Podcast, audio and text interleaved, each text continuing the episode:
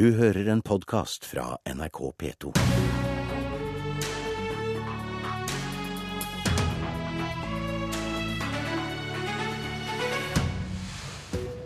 Det gikk fra vondt til verre for justisministeren i asylbarnhøringa på fredag, mener KrF. Hva betyr det for framtida til Anundsen? Et register kan løse problemet med skjult eierskap, mener Arbeiderpartiet. Symbolpolitikk, svarer Finansdepartementet. Velkommen til Politisk kvarter mandag. Før helga fikk Anders Anundsen kjørt seg i høringa om asylbarnsaka på Stortinget. Vi skulle også i dag gjerne hatt justisministeren i studio, men han får være unnskyldt denne gangen, siden han er på vei til Antarktis. For å bruke sakssjargongen så kan vi jo si det åpner seg en turmulighet. Men i statsrådens fravær så er vi glade for å ha noen av utspørrerne fra fredag her, for å gi noen svar i dag. Velkommen til kontrollkomitémedlemmene Hans Fredrik Grøvan fra KrF og Michael Tetzschner, Høyre. Takk. Ja. Grøvan, hva var det som gjorde at det gikk fra vondt til verre for Anundsen på fredag? Vi opplevde gjennom fredagens høring at uh, Anundsen rett og slett ble tatt på senga av politiets uh, uttalelser. Uh, hvor de sa at de verken hadde gjennomført den varsla endringen som skulle gi en styrka situasjon for lengeværende asylbarn, og de hadde heller ikke forstått endringen til tross for at Anundsen hadde skrevet til kontrollkomiteen at denne endringen var forstått av politiet. Det syns jeg var veldig alvorlig, og vi opplevde en Anundsen som ble pressa til innrømmelser. Etter de oppfatningene, hvem er det sin feil at en sånn beskjed ikke kommer fram? Det er klart at det er Anundsen som, har, som justisminister som har hovedansvaret for ja, dette. Ja, ansvaret, men hvem, hvem er det sin feil? Politiet har selvfølgelig også en, en plikt på seg til å oppfatte disse endringene som kommer i tildelingsbrevet, men ansvaret ligger helt klart hos Anundsen, og det erkjente han også under høringen på fredag. Hva betyr denne forskjellen i virkelighetsoppfatning mellom politiet og Anundsen for saka, etter KrF sitt syn, da? Ja, Den blir veldig viktig, fordi at det Anundsen har informert Stortinget om, det er at denne endringen i prioriteringen var forstått av politiet. Og når da dette til de grader blir erkjent gjennom høringen, og til og med at Anundsen må endre på kronikken som han hadde sendt til alle landets aviser som skulle inn på lørdagen, der han sier at de hadde erkjent, til at de burde erkjenne, så forteller jo det at også dette ble en nokså ubehagelig oppdagelse for justisministeren på fredag. Og da sier du i praksis nå at han også har feilinformert Stortinget, da? Jeg vil si det at det iallfall ikke samsvar mellom det han har sagt og det som, av, som høringen avslørte. Michael Tetzschner, representant i komiteen for regjeringspartiet Høyre. Hva mener du innleggene fra politietatene på fredag faktisk viste? Ja, For det første så må vi kanskje minne om at det vi diskuterer her, er ikke de lovlig fattede vedtakene som er truffet av utlendingsmyndighetene, og hvor alle rettssikkerhetsgarantier har slått inn i den enkelte sak, og de i tillegg har fått vurdert sakene sine ut fra om det finnes andre humanitære grunner for opphold. Det vi snakker om nå, det er altså politiets gjennomføring av forvaltningens vedtak. Mm. Og den skal og ingen bestrider at forvaltningen skal jobbe ubundet av politiske signaler. Den kan bare forholde seg til utlendingsloven med forskrifter. Så vi er altså på gjennomføringsplanet. Og der mener jeg at uh, utspørringen av politiet fortalte om en politihverdag uh, som er innrammet av visse realiteter som ikke lar seg overstyre av, av, beslutninger i Stortinget, selv om man gjerne skulle sett det. Det er for det første hvordan landene selv lever etter folkeretten og tar imot egne borgere. Det er problemet med å få kartlagt uh, identiteten til de som ikke samarbeider om å kaste lys over dette. Man må jo da uh, ha den for å kunne returnere til riktig land. Og uh, fremfor alt så er det da de andre returforutsetningene i de enkelte land som rett og slett vil slå igjennom og overstyre enhver politisk prioritering som man setter fra Stortingets side. Og Dermed så blir prioriteringsrommet, og det tror jeg også var uttrykket som ble brukt fra Politiets utlendingsenhet. Prioriteringsrommet for politikk ble veldig lite. og det, Da betyr det selvsagt at det ikke blir så lett å spore effekten av nye signaler når man ser på mm. statistikken. Men burde ikke en avtalt politikkendring og kommunikasjonen fra statsråden av den faktisk hatt en betydning? Jo, men jeg tror det er veldig viktig å ha utgangspunktet at det som nå eh, har vært eh, konsentrert om nå, det er at politikkendringen skal altså ligge i rekkefølgen, prioriteringen av forskjellige grupper, ved, eh, ved, ved, ved gjennomføring av lovlig vedtak. Hvis man vil endre norsk asyl- og utlendingspolitikk, så skjer det ved å, skje, ved å endre lov og forskrifter, og ikke påvirke nødvendigvis politiets uh, gjennomføring mellom gruppene. Så, og så kan jeg bare legge til, så var det veldig enighet om uh, og det er heldigvis noe alle på Stortinget er enige om, at de som er straffedømt skal ut først.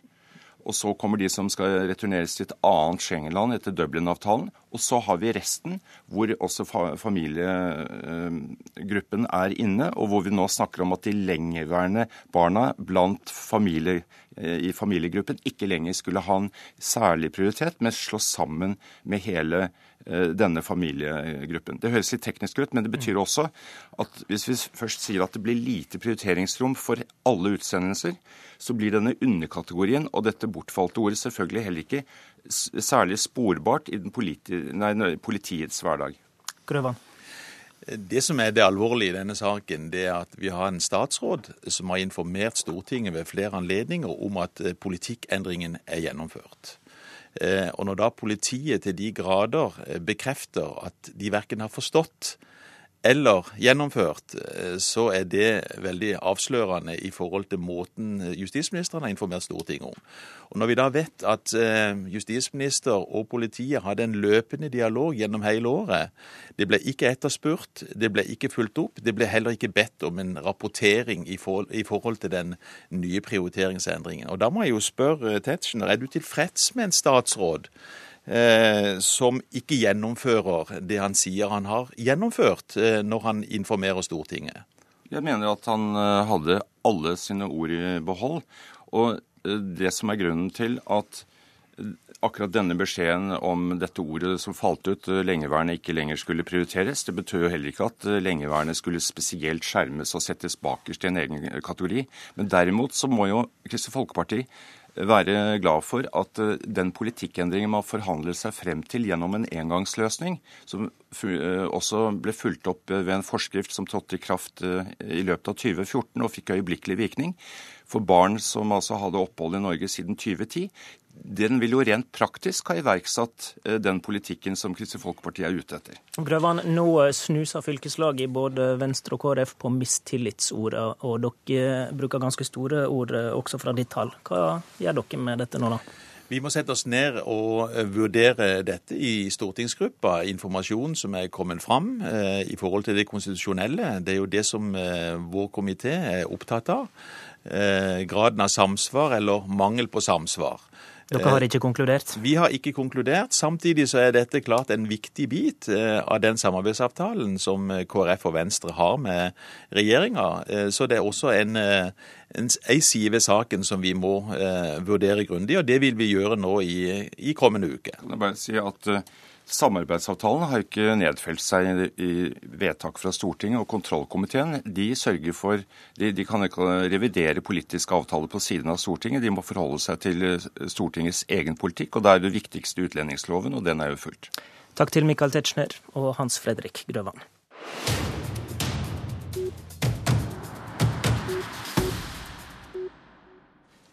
NRK.no har de siste par ukene sett fokus på problemet med skjult eierskap. Halvparten av aksjene på Oslo Børs som er eid av utlendinger, er registrert på såkalla forvalterkonti.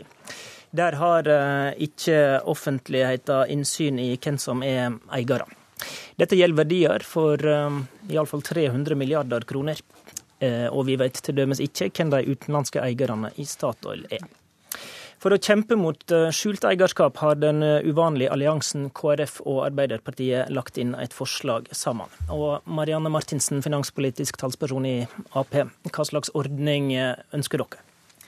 Vi ønsker oss et offentlig tilgjengelig register som gir oversikt over hvem som er reelle eiere i et selskap, altså hvilken fysisk person som faktisk står bak og har kontroll over selskapet. Og Det gjør vi av flere grunner. Finansiell åpenhet er jo et tema som står stadig høyere på dagsordenen, ikke bare her i Norge, men egentlig i alle vestlige land. Det er et økende problem. Vi ser at vi får stadig mer kompliserte selskapsstrukturer. Et eksempel på det er jo at de ti største utvinningsselskapene i verden nå har 6000 datterselskaper. Og det er klart at med den type veldig kompliserte strukturer, kombinert med, eh, med eierskap som ikke er åpent, så blir det veldig vanskelig å følge pengestrømmene, avsløre innsidehandel, avsløre korrupsjon, avsløre norsk, skattesvindel. Kan et norsk register løse det? Ikke fullt og helt, men langt på vei. Altså, vi har aksjonærregisteret i Norge som skal gi oversikt over hvilke norske eiere som sitter på, på verdipapirer og på aksjer. Men, eh, men, vi har også en ordning som gjør at du som utenlandsk eier kan gjemme deg bak en såkalt eh, forvalterkonto. Og Det er en ordning som er ganske utbredt. Ca. halvparten av det utenlandske eierskapet er skjult og gjemmer seg bak sånne typer forvalterkontoer.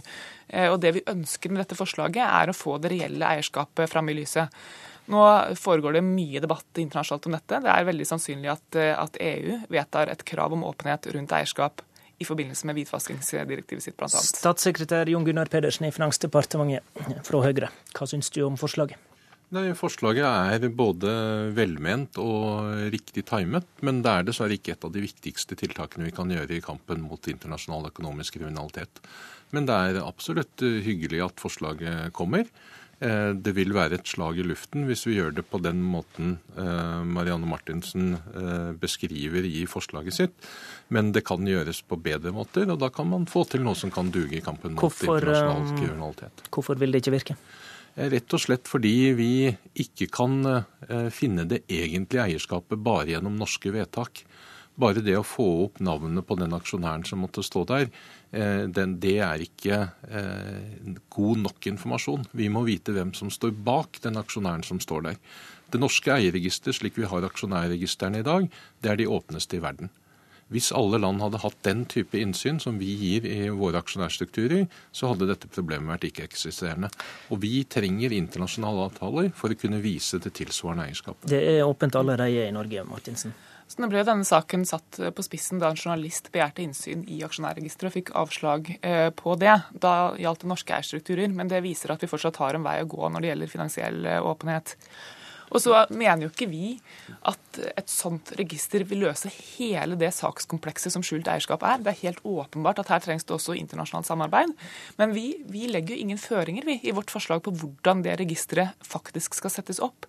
Vi gir uttrykk for en intensjon. Vi ønsker åpenhet om reelle eiere. Og så overlater vi til Finansdepartementet og Pedersens eh, meget kompetente embetsverk å komme med et forslag til hvordan det faktisk skal utformes, sånn at det blir effektivt. Ja, det, det, det, journalisten ba om innsyn i, det var skattedialogen mellom skattyter og Skattedirektoratet. Det er et annet spørsmål. Norske aksjonærregistre er åpne. Og det, eh, det som jeg synd, er eksempel, er synd, er f.eks. at man henviser til at vi skal la oss inspirere av Danmark og, og Ukraina. Det står det konkret i vedtaket. Det må vi ikke finne på å gjøre.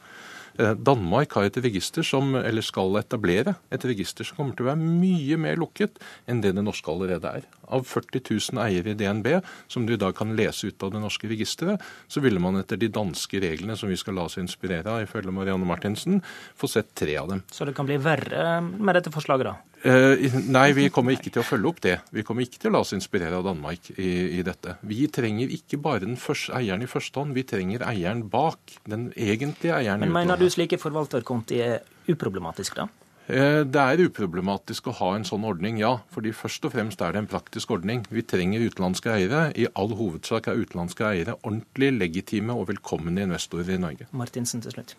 Men det er jo helt åpenbart et problem at vi ikke vet hvem halvparten av de reelle eierne som gjemmer seg bak disse forvalterkontoene faktisk er. Jeg er glad for at Pedersen gir uttrykk for eh, en ambisjon, eh, et, et ønske om å få avdekt skjult eierskap. Men jeg klarer ikke å se hva som er hans faktiske løsning hvis vi ikke skal gå disse forvalterkontoene etter sømmene. Superkort, hva er de faktiske alternativ? Det faktiske alternativet er at vi har innsyn i forvalterkontoen for de myndighetene som skal passe men, på sånt. Men å avvikle ordningen, avvikle ordningen, med forvalterkonto, det er altfor tidlig å gjøre. Det vil være det eneste landet i verden som gjør det. Det var så langt vi kom i dag. Beklager, Politisk kvarter er over. I studio var Håvard Grønli. Du har hørt en podkast fra NRK P2.